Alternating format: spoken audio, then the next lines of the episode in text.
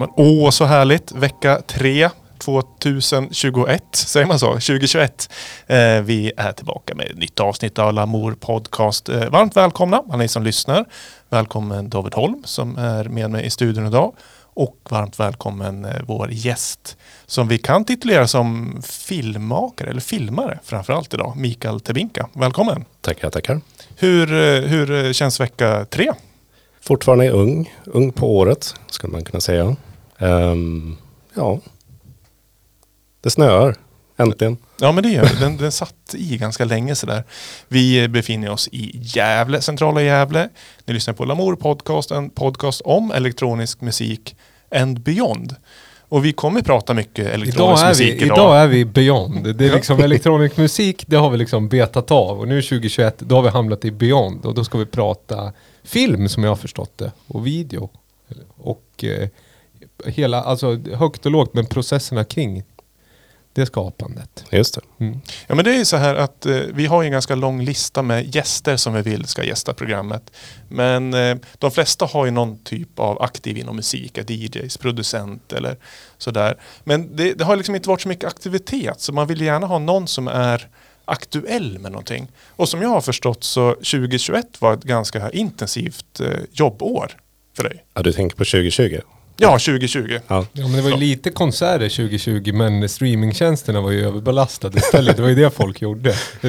Så kan man säga. Så kan man säga. Och produktionen till en viss del. Ja, men vad, vad, har, vad har du gjort 2020? Oj, vad har man inte gjort? Nej, men det börjar ju med ett, med ett brak. Liksom. Eh, vi, eh, jag och eh, några filmarkollegor vann en ganska stor nordisk tävling i januari. Eh, RI Nordic Silent Challenge tror jag den hette. Eh, som byggde på att man skulle göra en kortfilm på, på fem minuter utan dialog. Och eh, den vann vi. Eh, tävlade mot 30 andra bidrag och sen så en final med fyra stycken. Så det började jättebra. Sen kom corona. Eh, och eh, då var det att ställa om ganska snabbt. Liksom. Så då, då blev det väldigt mycket streaming och eh, vi var också inne i en produktionsfas. Vi höll på med en inspelning med en ny Netflix-film. Eh, där jag var med på ett hörn. Eh, som kom ut nu 11 februari. Eh, och resten av 2020, ja, reklamfilmsproduktioner, lite mera streaming, lite dokumentärt, lite allt möjligt i varje kategori faktiskt. Och vilken Netflix-film är det som Den heter Red Dot, Red Dot? en eh, fjällthriller skulle jag kunna kalla Ja. det. Är det lätt att fi- Då filmar man när det är snö ute? Är det, Ja, 99 procent av den i ja, alla fall. ja. Är det, hur, vad heter det? Jag vill nästan... Men och den sa du, vad sa du? 18 februari? 11 februari. 11 februari. Och då är det hela, alltså då släpps den på Netflix för, i våran region. Ja, precis. Ja. Jag tror globalt kanske Ja. det till och med är så. Snyggt. Men det, vi, vi har inte sagt, men det är film, är det framförallt bakom kameran? Det är det som är din liksom... Eh, ja, precis. I, I det här fallet med Red, Red Dot så, så drog jag fokus och hjälpte filmfotografen. Vi var ett så kallat second, second unit som det finns på vissa inspelningar så har du två kamerateam eller flera. Och eh, i det här fallet så var vi second unit så vi tog eh, en del eh, vad säger man, eh, lite eh, inklippsmaterial, drönarbilder och lite sånt. Är det det som kallas B-foto? När man När man- skärpa och... Ja, precis. När man assisterar filmfotografen så kallas det B-foto. När man drar fokus, gör man, gör man tekniskt sett skärpåkningarna då? Ja, Ja. exakt. Och Vad de, och de är ju livsviktiga. Ja. Det, Jag ska göra så här, jag ska sticka in fem snabba frågor, Ja. sen ska vi prata skärpåkningar på grund av att det, det har gjort ett sånt tydligt avtryck på mig. Ska, men vi ska först ha, vi har ju har gjort det nu att vi har fem så snabba frågor för att få lite liksom pulsen på gästen. Och då har vi en klassiker som är gata eller skog. den var svår. Ja, de är Ehm, ganska svåra de här. Gata, Ja. Analog eller digital? analog. Stanley Kubrick eller David Lynch? Alltså den frågan får man inte ställa. Nej, jag, jag skrev det, jag kände det här är jättetaskigt. Um, jag tror jag säger... Du får Lyn- välja båda om du vill. Ja, nej, men om jag väljer en så blir det nog eh, Lynch. Ja. Och så har vi, bra, vad heter det, musikvideo eller reklamfilm? Musikvideo. Fast båda är roliga. Ja. Eh, underexponerat eller överexponerat? Under. Ja. Var det fem Va? det? Var Ja, det det inte var sex frågor? Nej, det var inte. Nej. Ska vi, hinner vi lyssna på en låt eller ska vi dra skärpåkningen på en gång eller? Eh, du kan väl... Vi kan väl göra så här som en cliffhanger. Dra upp en låt och sen så får Micke förklara lite för våra lyssnare vad en skärpåkning är. Och sen så ska, kan vi återkomma till det efter låten.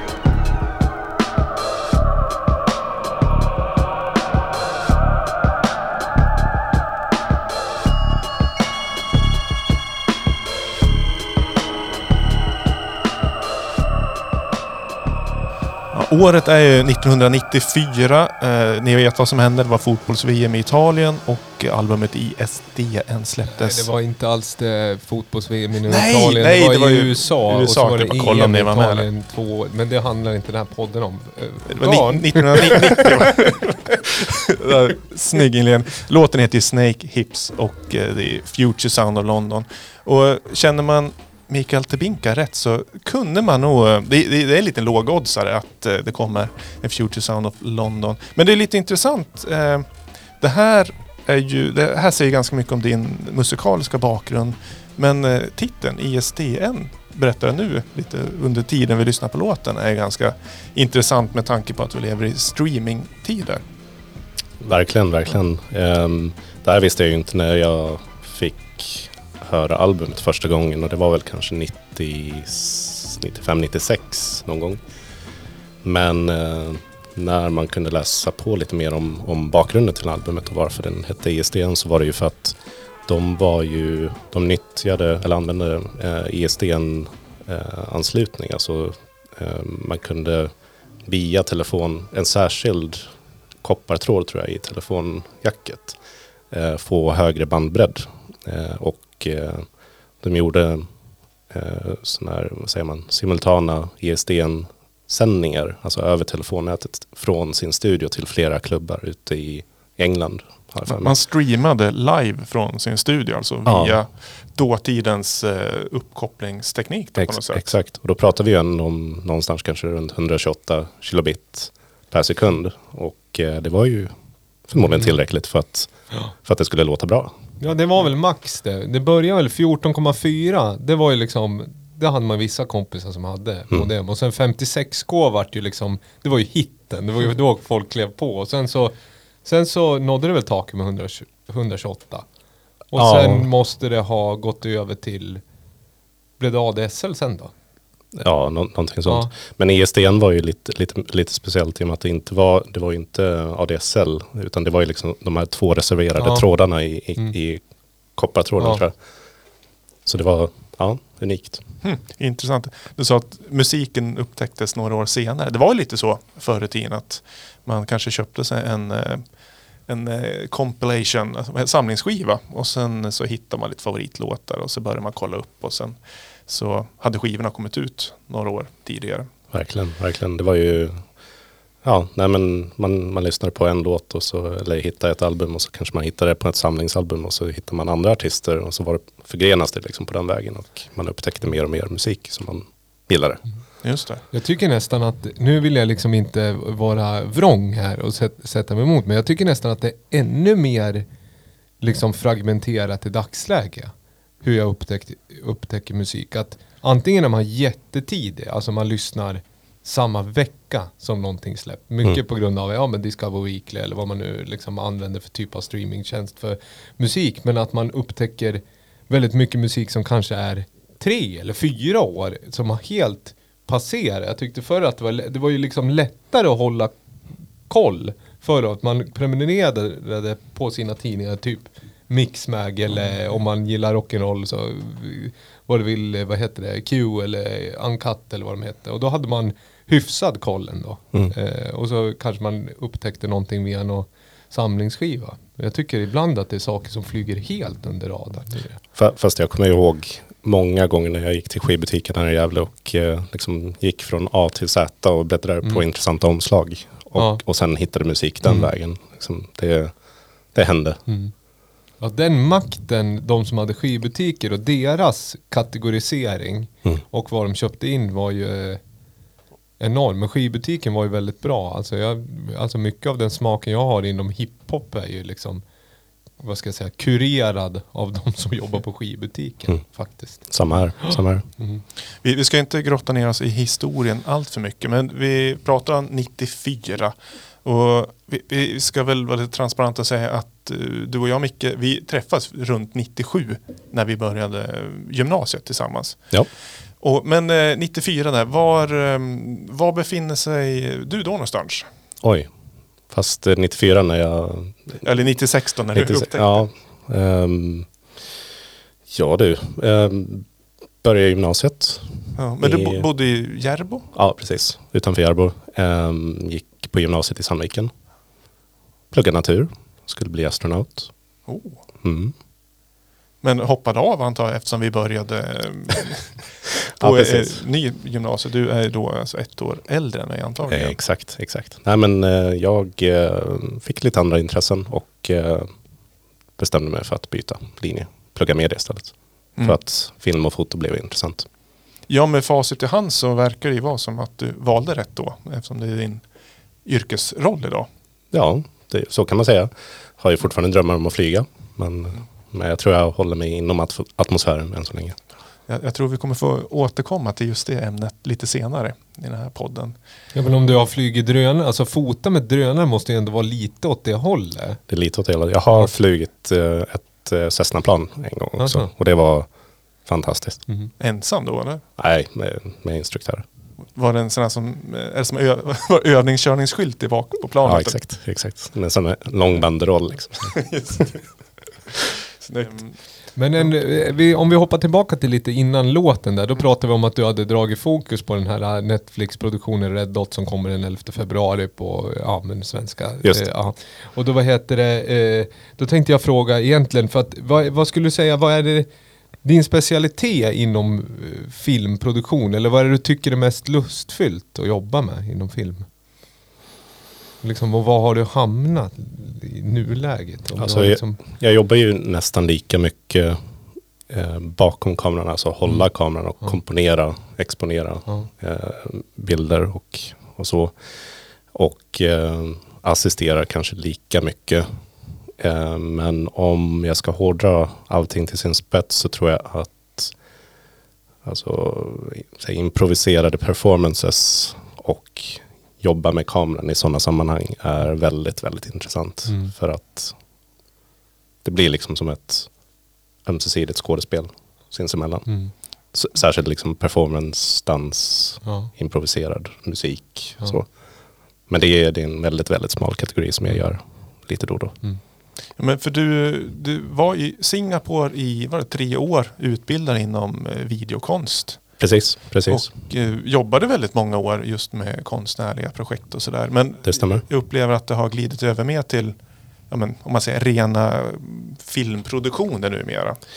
Ja, alltså om man, om man tänker tillbaka lite grann så eh, den, den perioden, alltså från efter gymnasiet och fram till några år efter utbildningen, så var det ju, alltså det var en plattform för att kunna utforska väldigt mycket i stilla och rörlig bild egentligen. Eh, enkanals, multikanals, live, eh, strukturerad film, allt möjligt.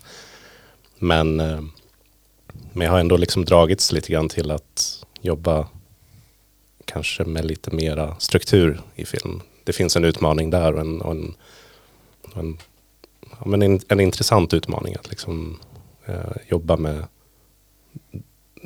vad säger man, dramaturgi och narrativt. Och, eh, det, det, är en annan typ av utmaning och, mm. och lika utvecklande. Och då tänker vi alltså berättar eh, struktur eller ja, liksom exakt, hur man lägger exakt, upp. Eh, ja.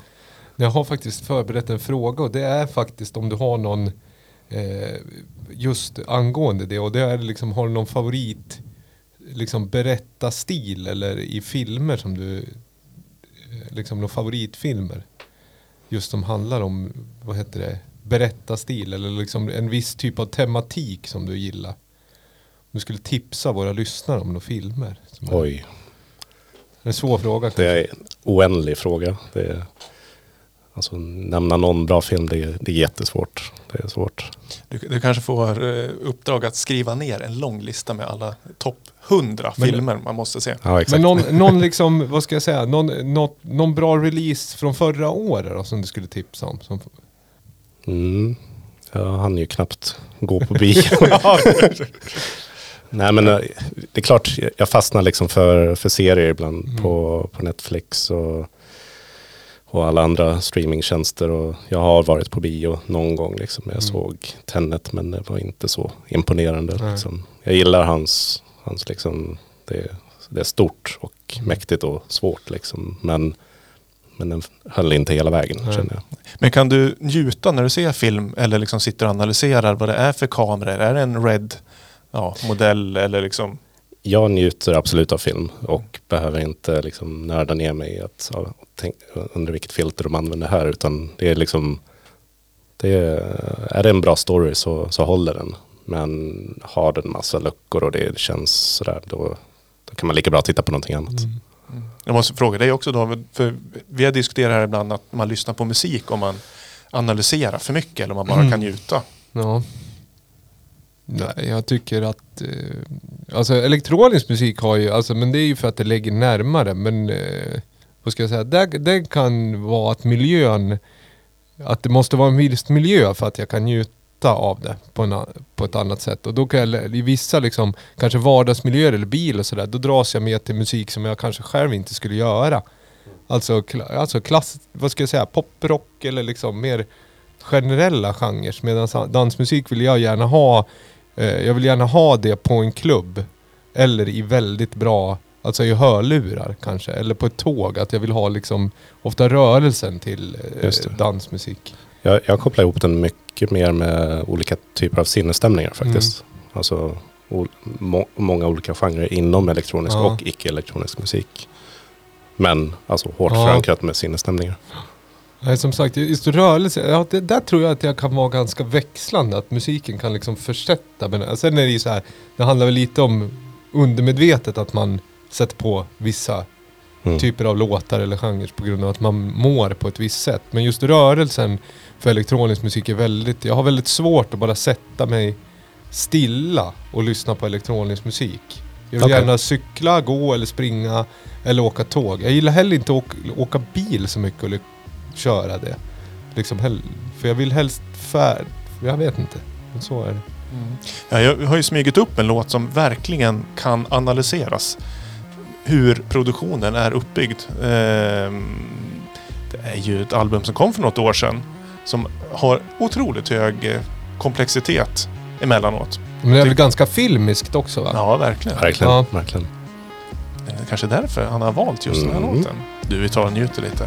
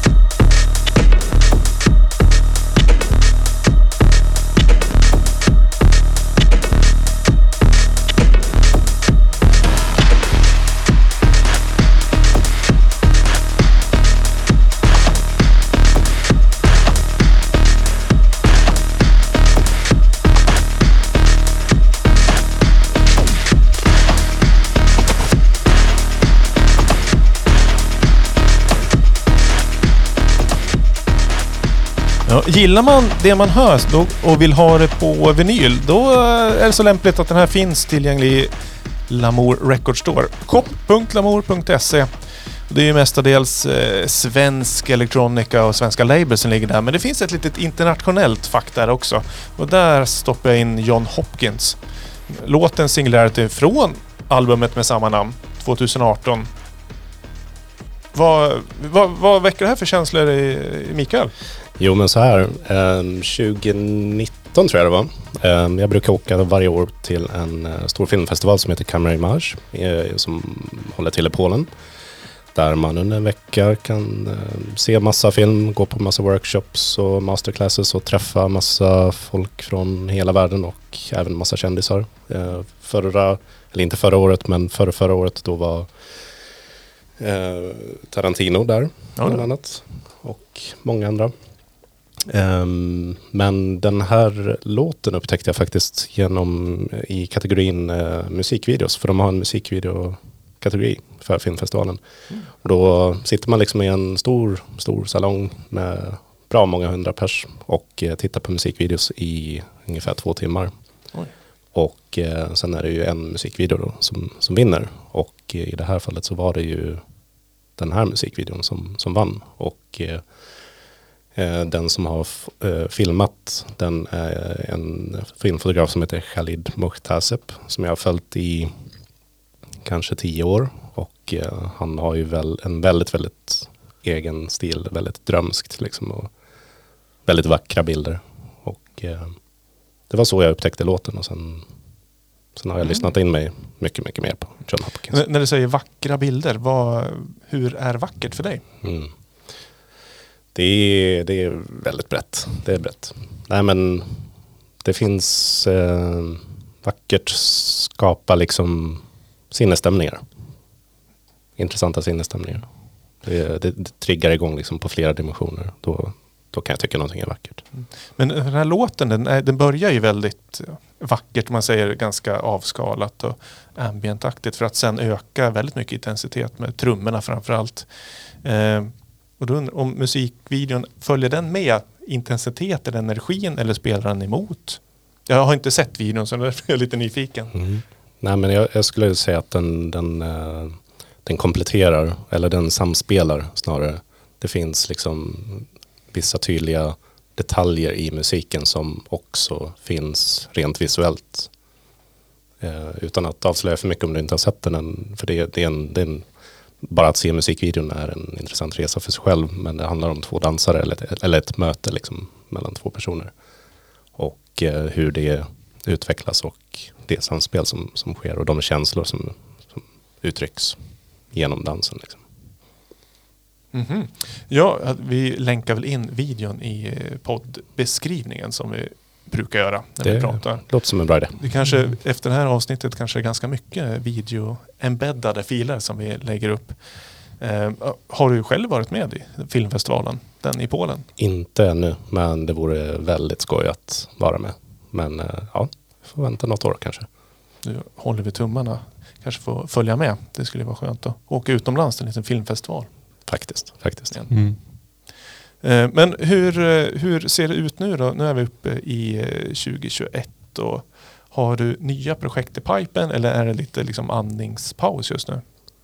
Januari brukar väl vara lite, lite andningspaus sådär, men eh, man börjar väl märka att det kommer lite förfrågningar, eh, lite reklamfilm framförallt i pipen och en del streamingar. Men eh, det jag verkligen ser fram emot är att hoppa på ett, ett till antingen en kortfilm eller ett långfilmsprojekt som man kanske kan, ja inte, inte med hela processen men för de kan ju vara ganska långa. Men, men absolut, men a- att göra en kortfilm, det, det vore väldigt skoj just nu. Men det, det finns ju begränsningar såklart Ja. på, på grund av corona. Jag tänkte på en fråga angående kortfilm, för nu kopplar jag tillbaka lite till inledningen när du berättade att ni hade vunnit pris för den här fem minuter kortfilmen som var utan eh, Dialog. Utan dialog. Hur kommer man in, liksom, vad är det största liksom, omställningen man får göra som produktionsgrupp då? Eh, för att berätta, åter till liksom, vad ska jag säga, historieberättandet. Hur, vad, vad var största utmaningen att jobba i en sån en sån eh, film? Alltså just den specifika pro- Ja, produktionen. Eh, det som var, alltså om man utgår från kriterierna som vi fick, Mm. då var det liksom att den fick inte vara längre än fem minuter. Eh, den eh, skulle ha minst två utav fyra symboler. Och de symbolerna var snöflinga, en älg, en varningssymbol och så, jag minns inte riktigt den Så fjärde. sa du älg? Ja, Var det här en tävling för svenskar eller var det en internationell tävling? eh, den hette ju Nordic Challenge, så det var ju nordiska fast Mm. i, jag skulle säga att mest svenska filmer. Det? Det fanns tillgång till älg bland de tävlande i alla fall. Ja, Ja men en symbol, alltså det Alltså- kan ju vara, du måste väl inte ha en riktig älg? Nej, eller? man, kan ju använda det metaforiskt om man vill. Ja. Men vi, vi eh, 3D-animerade en, en älg som såg ganska bra ut. Ja. Slängde, slängde ihop en älg lite snabbt sådär. Och det var det mer realistiskt, det var inte Helge den liksom Nej, tecknade. Nej. Det, det, nej men vi, Ja. vi, vi lyckades få, faktiskt få med alla fyra symboler. Mm. Det var, råkade vara så att just den, den helgen eller de dagarna så snöade Mm. väldigt, väldigt mycket. Mm. Så, så vi hade tur. Gillar du att jobba med sådana, alltså i, i projekt där det är ganska tydliga guidelines eller liksom, vad ska jag säga, när det finns ganska tydliga riktlinjer att det här ska, måste Berättas. Måste berättas eller det här, Ja, faktiskt. För att Ja. det, då har du ju en angreppspunkt som, som du kan rikta in dig på och, och ett pussel att lägga. Liksom. Ja. Så det är än att det ja, ni får göra vad, vad Ja. ni vill. Liksom. Mm. Det tycker jag är mycket, mycket svårare. mm. Då är man inne liksom på total improvisation och Mm. ibland blir det bra, ibland inte så bra.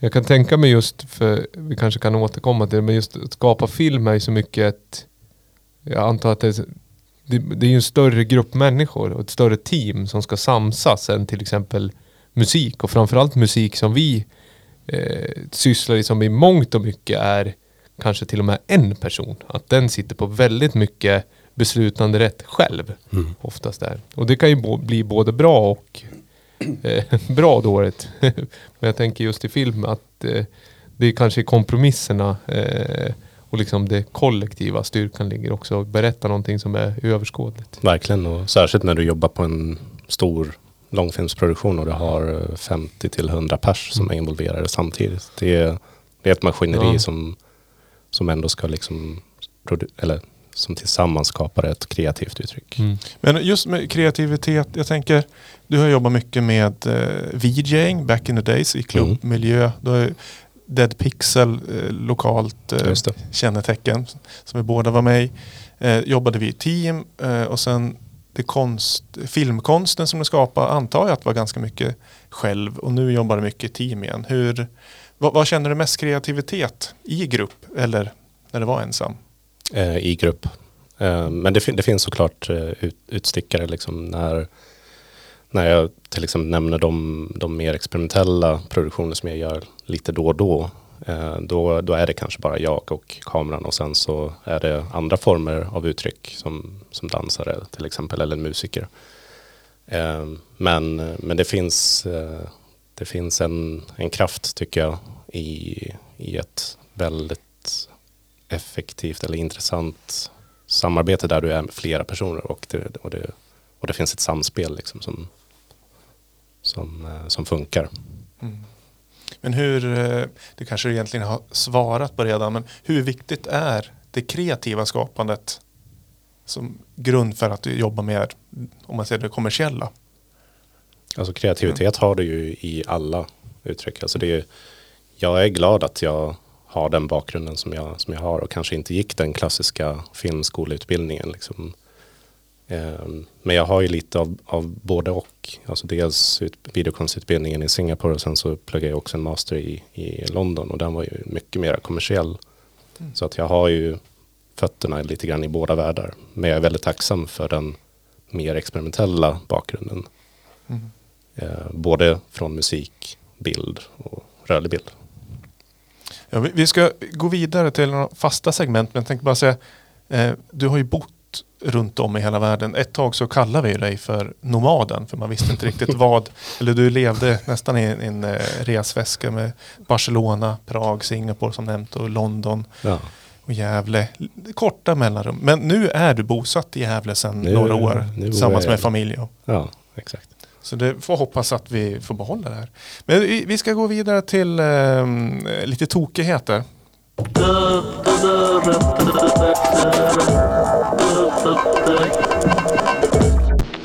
9-5 Tango, thank you. Ja, det är Slims smala skiva.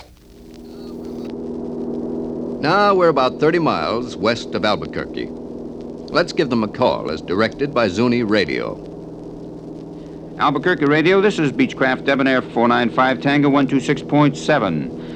We're about 25 miles west of your station, VFR, to Albuquerque, descending and have Kirtland Air Force Base in sight, over. Oh, Roger, 495 Tango. You have Kirtland uh, Air Force Base in sight. Contact Tower 118.3. And the altimeter 299 9-5 Tango, thank you. Kirtland Tower, this is Beechcraft Debonair 495 Tango, 20 to 25 miles west for landing, over. Aircraft 2025 miles west for landing. Left traffic runway 2. Ja, så här fortsätter det i eh, några timmar ska jag faktiskt säga. Och för dig Mick, det här är ju inget problem att eh, analysera vad det är vi lyssnar på. Här är ju radiokommunikation eh, mellan flygtorn och, eh, och eh, flygplan. Var det så här det lät när du flög eh, i Cessna-plan där? Ja, inte helt olikt. Lite annan dialekt bara. Ja. Men körde ni på utrikiska då också? Då körde vi på utrikiska. Är det så alltid att man kör på engelska i hela världen? Ja, eh, jag tror att om du flyger med ett litet Cessna-plan över Spanien så kanske du pratar på spanska med flygledartornet. Jag vet inte faktiskt. Men, men intressant val av spår faktiskt. Jag, jag, jag tänker på på en gång liksom många, många år sedan så, så hittade man massa så här obskyra webbsidor där, där man kunde eh, liksom streama eh, ATC live chatter, alltså precis det som vi hörde nu. Eh, fast liksom streamat från olika flygplatser runt om i världen. Och, sånt där kan man ju sitta och lyssna på i flera timmar. Om man är nörd. A- ATC, vad är det för förkortning? va? Air Traffic Controller. Ja, det är klart.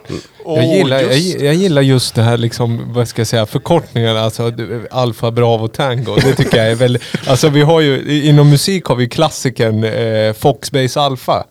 Sant Etienne. Och sen det mest, apropå kreativitet, att göra, alltså att inom verka inom sitt område och vara rolig och kreativ. Det måste ju ändå vara Bloodhound Gang med Foxtrot, Unicorn, Charlie Kilo. Känner ni igen den? Det, det, det låter bekant. De släppte ju en låt som heter Foxtrot Unicorn Charlie Kilo. Alltså om man bokstaverar ut det så blir det F-U-C-K. Ja, bara för att få liksom. Och så sjung refrängen igång. Foxtrot Unicorn Charlie Kilo. Och så bara brölar de den om och om igen bara för liksom. Otroligt kreativt, apropå kreativitet. Mm. Verkligen. Ja, visst. Så jag blev lite liksom sådär där du frågar. Det, liksom, man kan vara kreativ i vilket liksom... Det beror ju på sammanhang. Jag tycker det, ja. alltså om vi hoppar tillbaka. Alltså det, det spelar ingen roll. Alltså om man har sin stil och det man vill göra och sitt sinne så kan man ju vara kreativ i alla möjliga olika liksom. Alltså bara för att dra en parallell, även den mest kommersiella filmproduktion du kan tänka dig om det skulle vara en reklamfilm så, så finns det alltid, det finns alltid alltid utrymme. någonting Ja. som, man, som man kan liksom dra, dra i trådarna och Och sen handlar det också om lite om choose your battles. Att man fattar vad man är i för sammanhang och kontext. Och Exakt. gör rätt sak där istället. För annars handlar det bara om att man vill ta spjärn mot någonting i onödan. Var sak har ju sin, liksom, om jag springer in på en hockeyplan med en innebandyklubba, ja det kan ju vara kreativt men det är liksom, jag kanske skulle kunna göra något annat. Alltså, nu, nu, jättekonstig jämförelse, men ni förstår jag. Alltså, det finns ju andra sätt. Som sagt, det handlar inte bara om att in, alltså, kreativitet får ju aldrig vara för sinnet någon form av tvångströja, utan det ska ju vara en nyckel till någonting istället. Exakt. Det är sant. Men som segment flyger här. Ja, ja, om det är en ordvits att det flyger, ja men... Det var ju ganska bra först. eh, ja, jag kan ta, ja. Det är ju ingen, det är ingen chock som sagt att, eh, att, vad heter det, att det finns. Det var ju till och med, Micke var ju till och med bekant med förkortningen. Jag älskar ju förkortningar. A, vad var det? A, Ä, A- ATC. ATC. ATC. Och det är inte alltså Eurodiscobandet. I söndags hade vi en JGP. Julgransplundring. Vad hette det? Nej men... eh, Men ja, ATC, around the world. Ja men precis. Inom parentes, Oj. la la la la la. Los Angeles till New York. Ja, det är en... Ja men det är det vi lyssnar på. Det är en hel flygning mellan Los Angeles till New York. Och det är en dubbel vinyl vi lyssnar på som det är ganska maximerad eh, spårvidd i. Så det är hela flygresan och det medföljer liksom en 32 sidors eh, ganska tjock instruktionsbok med, eh, med, Den eh, var, den var bra. Med väderleksrapporter och vilken liksom rutt de har tagit. Vad häftigt. Jag kan tänka mig liksom att de, eh, de flygledartorn som de pratar med, att liksom både språket och dialekterna förändras också ja, från LA till New York. Och det här är ju alltså, det är ju en riktig inspelning från 1961. Och eh, det här är utbildningsmaterial som jag förstår det. Att den ska liksom eh, ja, men utbilda kommande piloter hur en flygning går till. Men för Los Angeles till New York är en av de vanligaste rutterna inom eh, de amerikanska Just det. gränserna. Just det. Eh, Och jag läste på lite, det skivbolaget som har gett, gett ut den här, eh, vad heter den, Jeppson och Company? Jeppesen och Company. De har gett ut ett tiotal titlar som bara handlar om flygning. Eh, till exempel en som heter ATC Clears. Eller eh, In Radar Contact. Tower Communication. Eh, flygteori och så vidare. Så jag har eh, klickat i nästan alla på min wantlist. För jag tycker det här är härligt. Det var ju väldigt snyggt paketerat med det där liksom, vad ska jag säga, att det medföljde en liten bok tycker jag var bra. Det var ju en rejäl, det var ju en rejäl produkt. Jaha. Betyg på det här då? 1 till 5 i smalhet. Fem. Ja. Fy- Fyra. Fyra. Ja, fem. Ja. Jag tycker att eh, i sma jag, jag, ska, jag ska inte vara snål för det har jag varit ganska länge. Men jag säger en i smalhet. Det, det är liksom en trea det här. Och hela betyget är på grund av paketeringen. Att det var en så pass lyxig produkt. Men att det finns, alltså jag blir inte alltså som sagt. Det var ju inte chock när du la på det så var det ju lite så här. Jag satt ju och väntade efter liksom att det skulle flippa ur. Men det gjorde det ju aldrig. Nej, just. Men jag tyckte det var ganska väl valt med dagens gäst. I åtanke. Jag har faktiskt Ja, en, men med en, en liten, liten anekdot vad gäller ATC. Inte riktigt samma sak men eh, det finns, jag och eh, Johan Sundberg gjorde ju en konsert för bra många år sedan. Och eh, vi döpte den konserten, eller det bandet som bara existerar för just den spelningen till Air Traffic Controller. Med, som öra. Öra, Ja, precis. ah, nu fattar jag den. Okej. Ja, det är snyggt. Tack, vi går vidare Yes. raskt till nästa segment.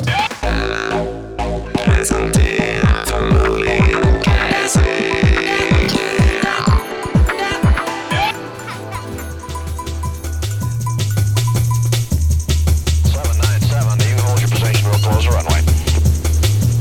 Seven five runway three two one closed. Aircraft to the flat on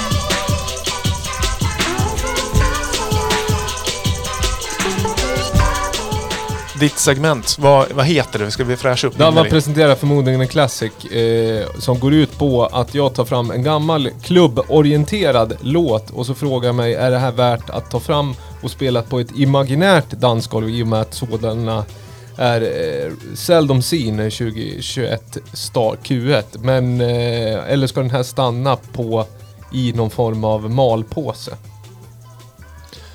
Ja, vi- Soundmässigt. Sen finns det lite andra kopplingar. Jag har på ett sätt liksom spexat till det och gjort vissa lösa skohornskopplingar.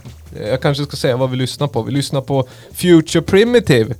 Ja, ni hörde rätt. Det är ju en film där. Med, vad heter det, Bones Brigade eller Pau Peralta som en, en av de mest klassiska eh, skateboardfilmerna. Som är väldigt stilistiskt snygg. Som även har en storyline. Det är inte så vanligt med. Och, och sen vad heter det, eh, och Future Primitive är även eh, kända som en annan duo som heter Public Domain. Och vet ni vad det är? En skateboardfilm av Power Peralta, uppföljaren. Och den här är släppt på en label som heter Knife Force Records som är inom happy hardcore och UK breakbeat-genren 1994. Och då vill jag passa på att be om ursäkt till er två. För ni har ju även spelat, eh, vad heter det, musik ihop. Eller hur? Nå- lite, nå- lite. Några gånger har Ja men det. ni var, tillhörde väl samma kollektiva Drum-Drum på något sätt ändå? Så, så Ja, och Dead Pixel. Och när jag liksom embarkade på min journey som någon form av liksom aspirerande DJ så liksom slängde jag ur mig liksom att säga nej det går inte att lyssna på, vi började ju bråka lite och så bara, ja men nu spelar jag bara happy hardcore. Och sen har jag upptäckt att mer och mer, desto äldre jag blir, så liksom upptäcker jag happy hardcore i efterhand och tycker att det finns jättemycket bra tracks. Mm. Så att, eh, vad vill jag säga? Det är ett förlåt till er. Och nu vill jag ha ett betyg. Sex av fem säger jag. Ja men tack.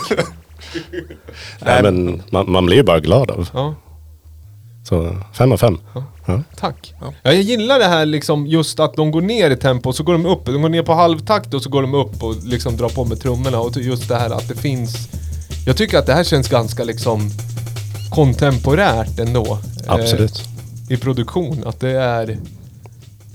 Det är energin är på rätt ställe. Sen är det ju klart att hade den här släppts idag hade den väl förmodligen låtit lite fläskigare och krispigare och mixad på. Men själva om man tittar arrangemanget och de liksom individuella delarna i låten så känns den väldigt, eh, eh, vad ska jag säga, modern på något sätt. Väldigt deep i basen, snabba trummor och sen är väldigt upppitchad, liksom Mm. eh, poppig sampling. Jag tänker lite grann på alltså, julmusik. Julig musik. Jaha. Liksom, som, ett, som, ett, som, ett, som ett alternativ liksom, för att höja Ja. stämningen. Ja, kanske det. Ju, ja, intressant.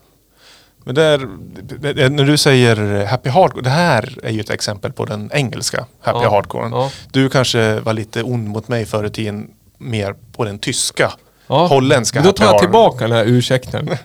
Men, ja, Nej, men det, det, ja. Ja men den här är väl, den är ju UK slash eh, breakbeat slash happy hardcore.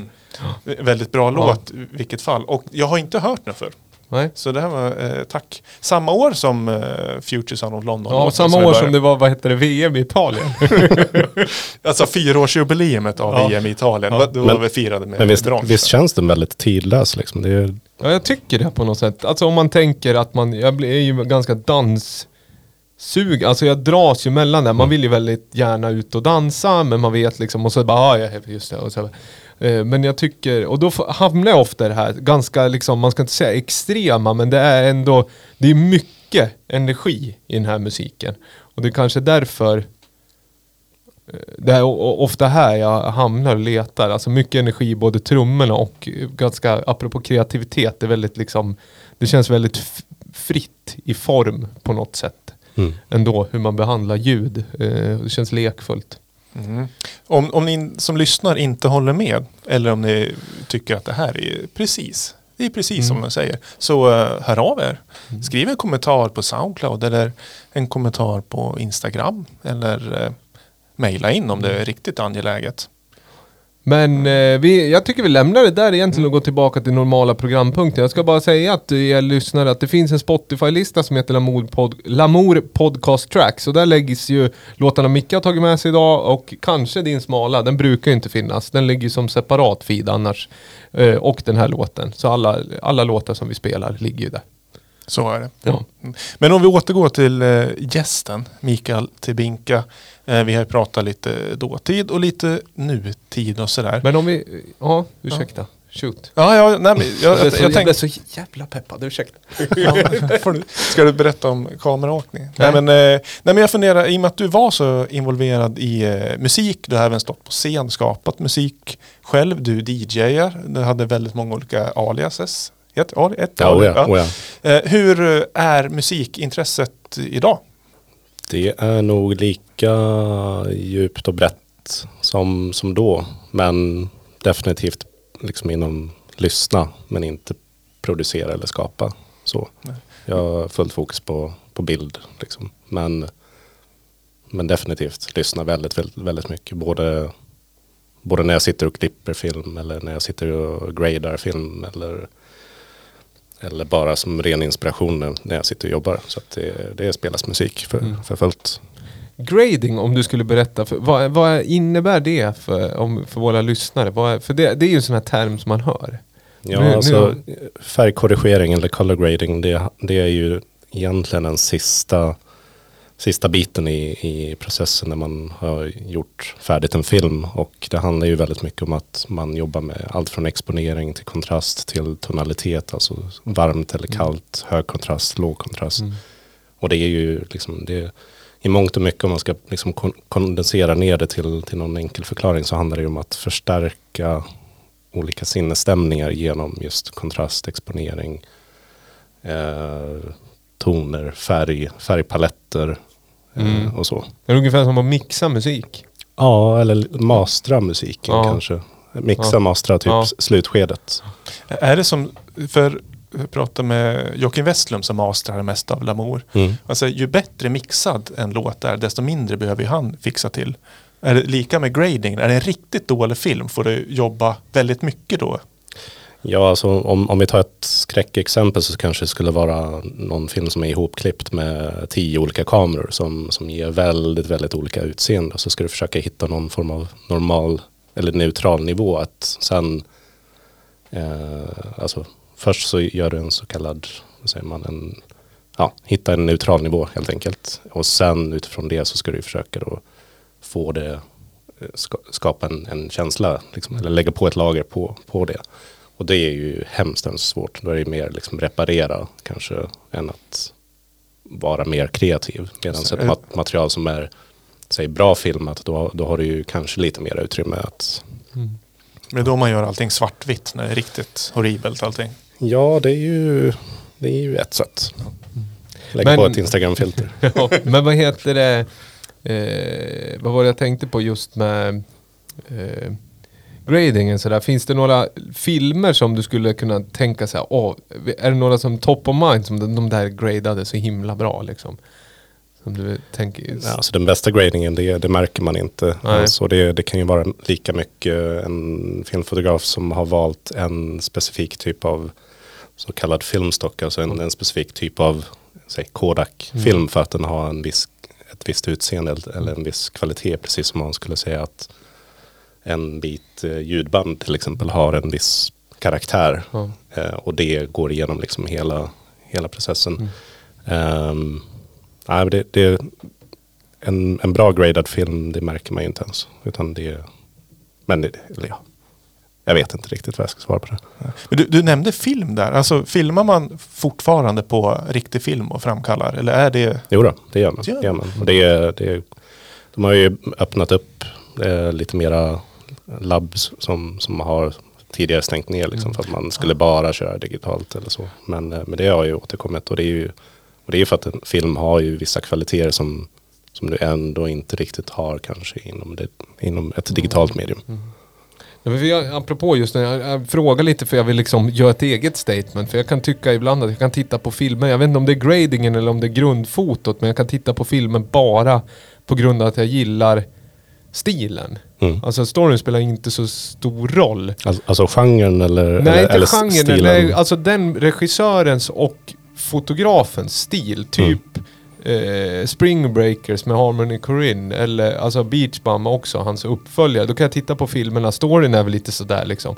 Men jag kan kolla på filmerna bara för att jag tycker att de är så liksom snygga i stilen. Även Drive och vad heter den? Only God Forgives. Det är väl också han Winding Ren som har gjort med Ryan Gosling som är... Det är liksom, jag kommer i, Only God Forgives till exempel har jag sett två gånger. Jag, liksom, jag kommer inte ihåg story. Alltså det spelar ingen Mm. roll för filmen är så snygg. Den är så snygg liksom. Att titta på. Mm. Eh, Och ibland räcker det. Ja, jag, jag, jag, jag känner i och med att jag jag tittar inte så ibland. Jo, serier och sådär. Men ibland kan det vara just när jag säger åh nu är jag sugen att titta på en film. Då hamnar jag ofta där, eller som du nämnde Tarantino, att man vill ha något så här, så gång Kill Bill här om liksom Mm. månaden, bara så bara, ja, jag vill se någonting som är lite liksom berättat på ett annat sätt. Eller Mm. någonting som är liksom, ja du vet, det är sliceat på, på en annan led. Japp. eller vad man ska säga. ja. Bra beskrivet. ja.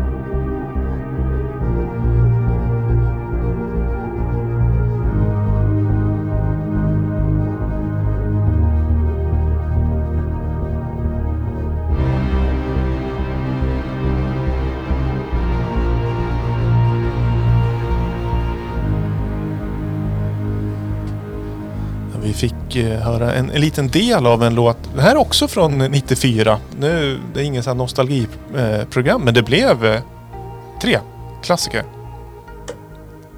Trent Reznor producerade... Eh, ja, jag vet ju ingenting. Kan du berätta vad... Nine det- Inch Nails, eh, A Warm Place. Ja. Så. Och jag, varför vet jag ingenting om det här? Det lät ju jättevackert. Jag visste ju ändå vem som var producent, så någonting har fastnat. Du har väl inte läst på tillräckligt mycket? Det är väl därför du inte vet. Alltså, du har väl aldrig hamnat där i Nine Inch Nails period? Det har inte jag gjort än heller. Jag tror att man kommer hamna där någon gång. Nej men det känns så. Alltså han är ju så himla omni i, apropå när vi pratar film och liksom elektronik, alternativ, alltså alternativ, alternativ kultur generellt är ju han liksom stor inom. Och rör sig upp i popmusik. Det är ju bara, ja Johnny Cash, alltså vad ska jag säga, Hurt till exempel. Johnny Ja. Cash är ju en av hans starkaste låtar i Nine Inch Nails cover.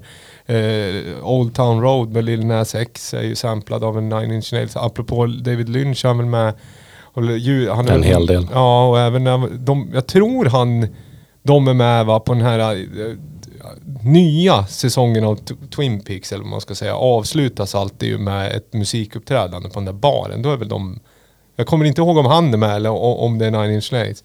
Chromatics är med i ett i alla fall. Det är superbra. Ja, just det. Just det. Nej, men eh, berätta mer om Nine Inch Nails. Eller varför du tog med låten. Nej men eh, från att ha djupdykt i massa olika genrer och kanske framförallt inom elektronisk eller all, mer experimentell eh, elektronisk musik, alltså ljudlandskap och sånt, så, så fastnade jag en, eller fastnade, jag blev intresserad av eh, Nine Inch Nails framåt slutet av 90-talet eh, och hade faktiskt en liten industriell period där jag lyssnade väldigt mycket på Nine Inch Nails, Skinny Puppy och eh, lite angränsande områden. Och eh, A Warm Place, ja, det var, den stack ut väldigt mycket på något sätt. Men den var också otroligt behaglig att lyssna på Mm. emellanåt. Är det här en, eh, i en bra bild av hur eh, de låter generellt?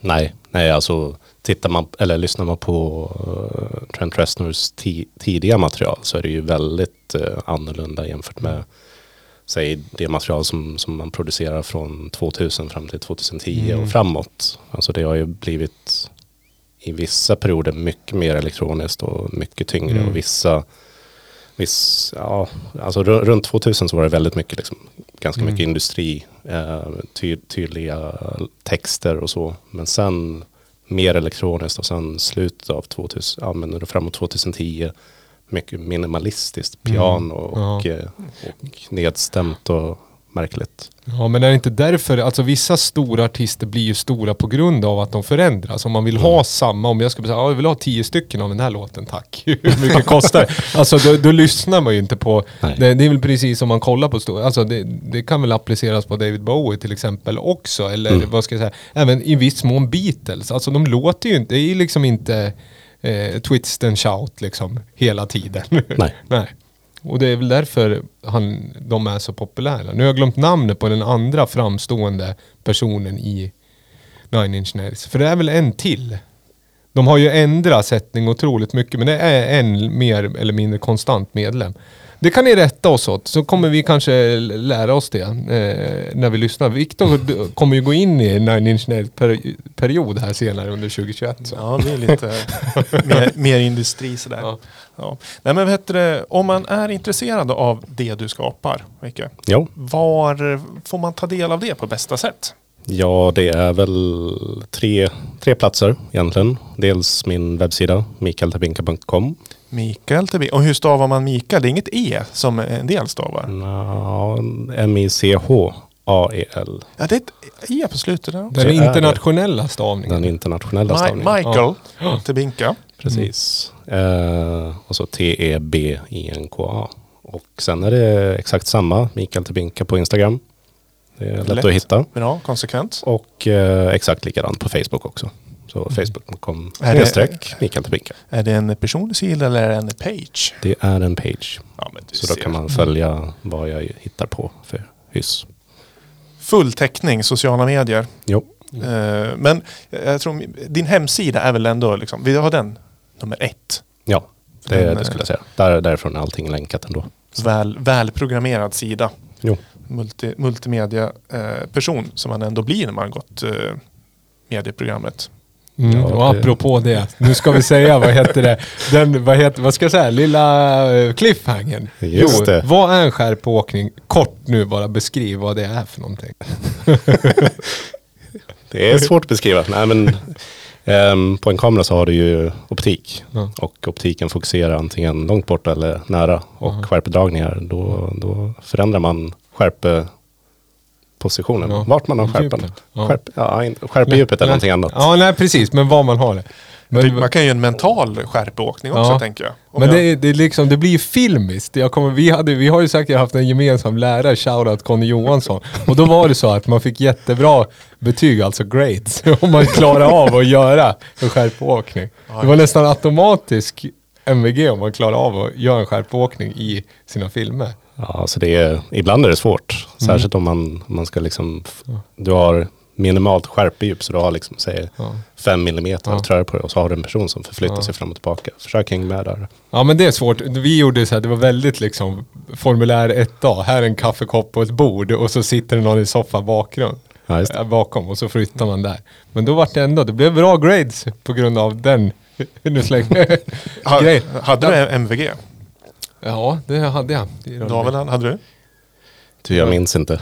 Jag, jag låter det vara skulle vara dråpligt om den som jobbar med grades hade sämst grades. Vad heter det? Men eh, jag fick ju jag fick ju läsa rörlig bild på grund av att det var ingen annan som ville läsa ljud. I min klass, i min årskull. Ja, ja, ja, jag förstår. Ja. Vi, vi också, det här har vi diskuterat förr, men det står ju också digitalisk informationsteknik i betygspappret. Det gör ju det. Digitaliskt. Och med det för vi vidare till väldigt digitaliskt. Eh, Midi-tavlan. Liksom vad är det som är på gång? Det är eh, förra avsnittet så tipsade vi om att man kan nominera till Local Heroes-galan. Nomineringsfönstret är öppet ett tag till. Vi eh, hyllar det lokala musiklivet som sig bör. Årets album kan vara Manetens, det kan vara AKBs Marianegraven. Man har årets producent. Du David blev årets solo förra året. Ehm, in och tipsa, arbetarbladet.se. Har ni något i pipen? Ja, det kom, kom mer remixar. Jag ska också säga att vi spelade ju förr, förra avsnittet jag var med, då spelade vi en Pistol Pete-remix på en av mina låtar. Det har varit mycket liksom, jag vet inte, tu, liksom slå på egen trumma här på senaste. Det får oklädsamt, men så är det. Men eh, eh, Jam, alltså butiken i Stockholm, har gjort en sån här Syntotek Sessions nummer tre där Pistol Pete är med tillsammans, tillsammans med Johan eh, Antoni heter han på Jam. Som man kan titta på på YouTube. Då söker man på Syntotek Sessions, det kan jag tippa, det var bra. Bra, bra namn. Syntotek. Ja men det är väl det jag vill tipsa och så vill jag tacka för att man har lyssnat på eh, remixarna som har kommit och de som har remixat. Det är ett bra, det är ett bra paket remixar. Så det kan jag tipsa om som vanligt. Maneten Davva på Instagram och Maneten på Spotify kan man följa. Det är bra tips. Eh, vi kan ju också säga att eh, inom kort så kommer det bli en inbox special här i podden. Vi kommer väl prata mer om det när det närmar sig. Men det har redan börjat kommit in lite musik. Så tveka inte att skicka in eh, podd.lamour.se. Äntligen kom ihåg adressen. Ja, vi närmar oss slutet. Och eh, vi får tacka alla som har lyssnat. Eh, håller ni med eller tycker att vi är lite ute och cyklar så eh, hör av er till oss. Då ska vi kanske rätta till det lite. Och stort tack till dig Mikael som har kommit hit och pratat så fint om eh, lite historia och lite grading och lite skärpåkningar och sådär.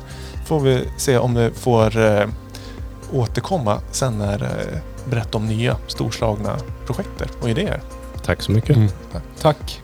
Sköt om er! Ja, och så till 11 februari, Netflix-premiär. Då kommer den. Ja.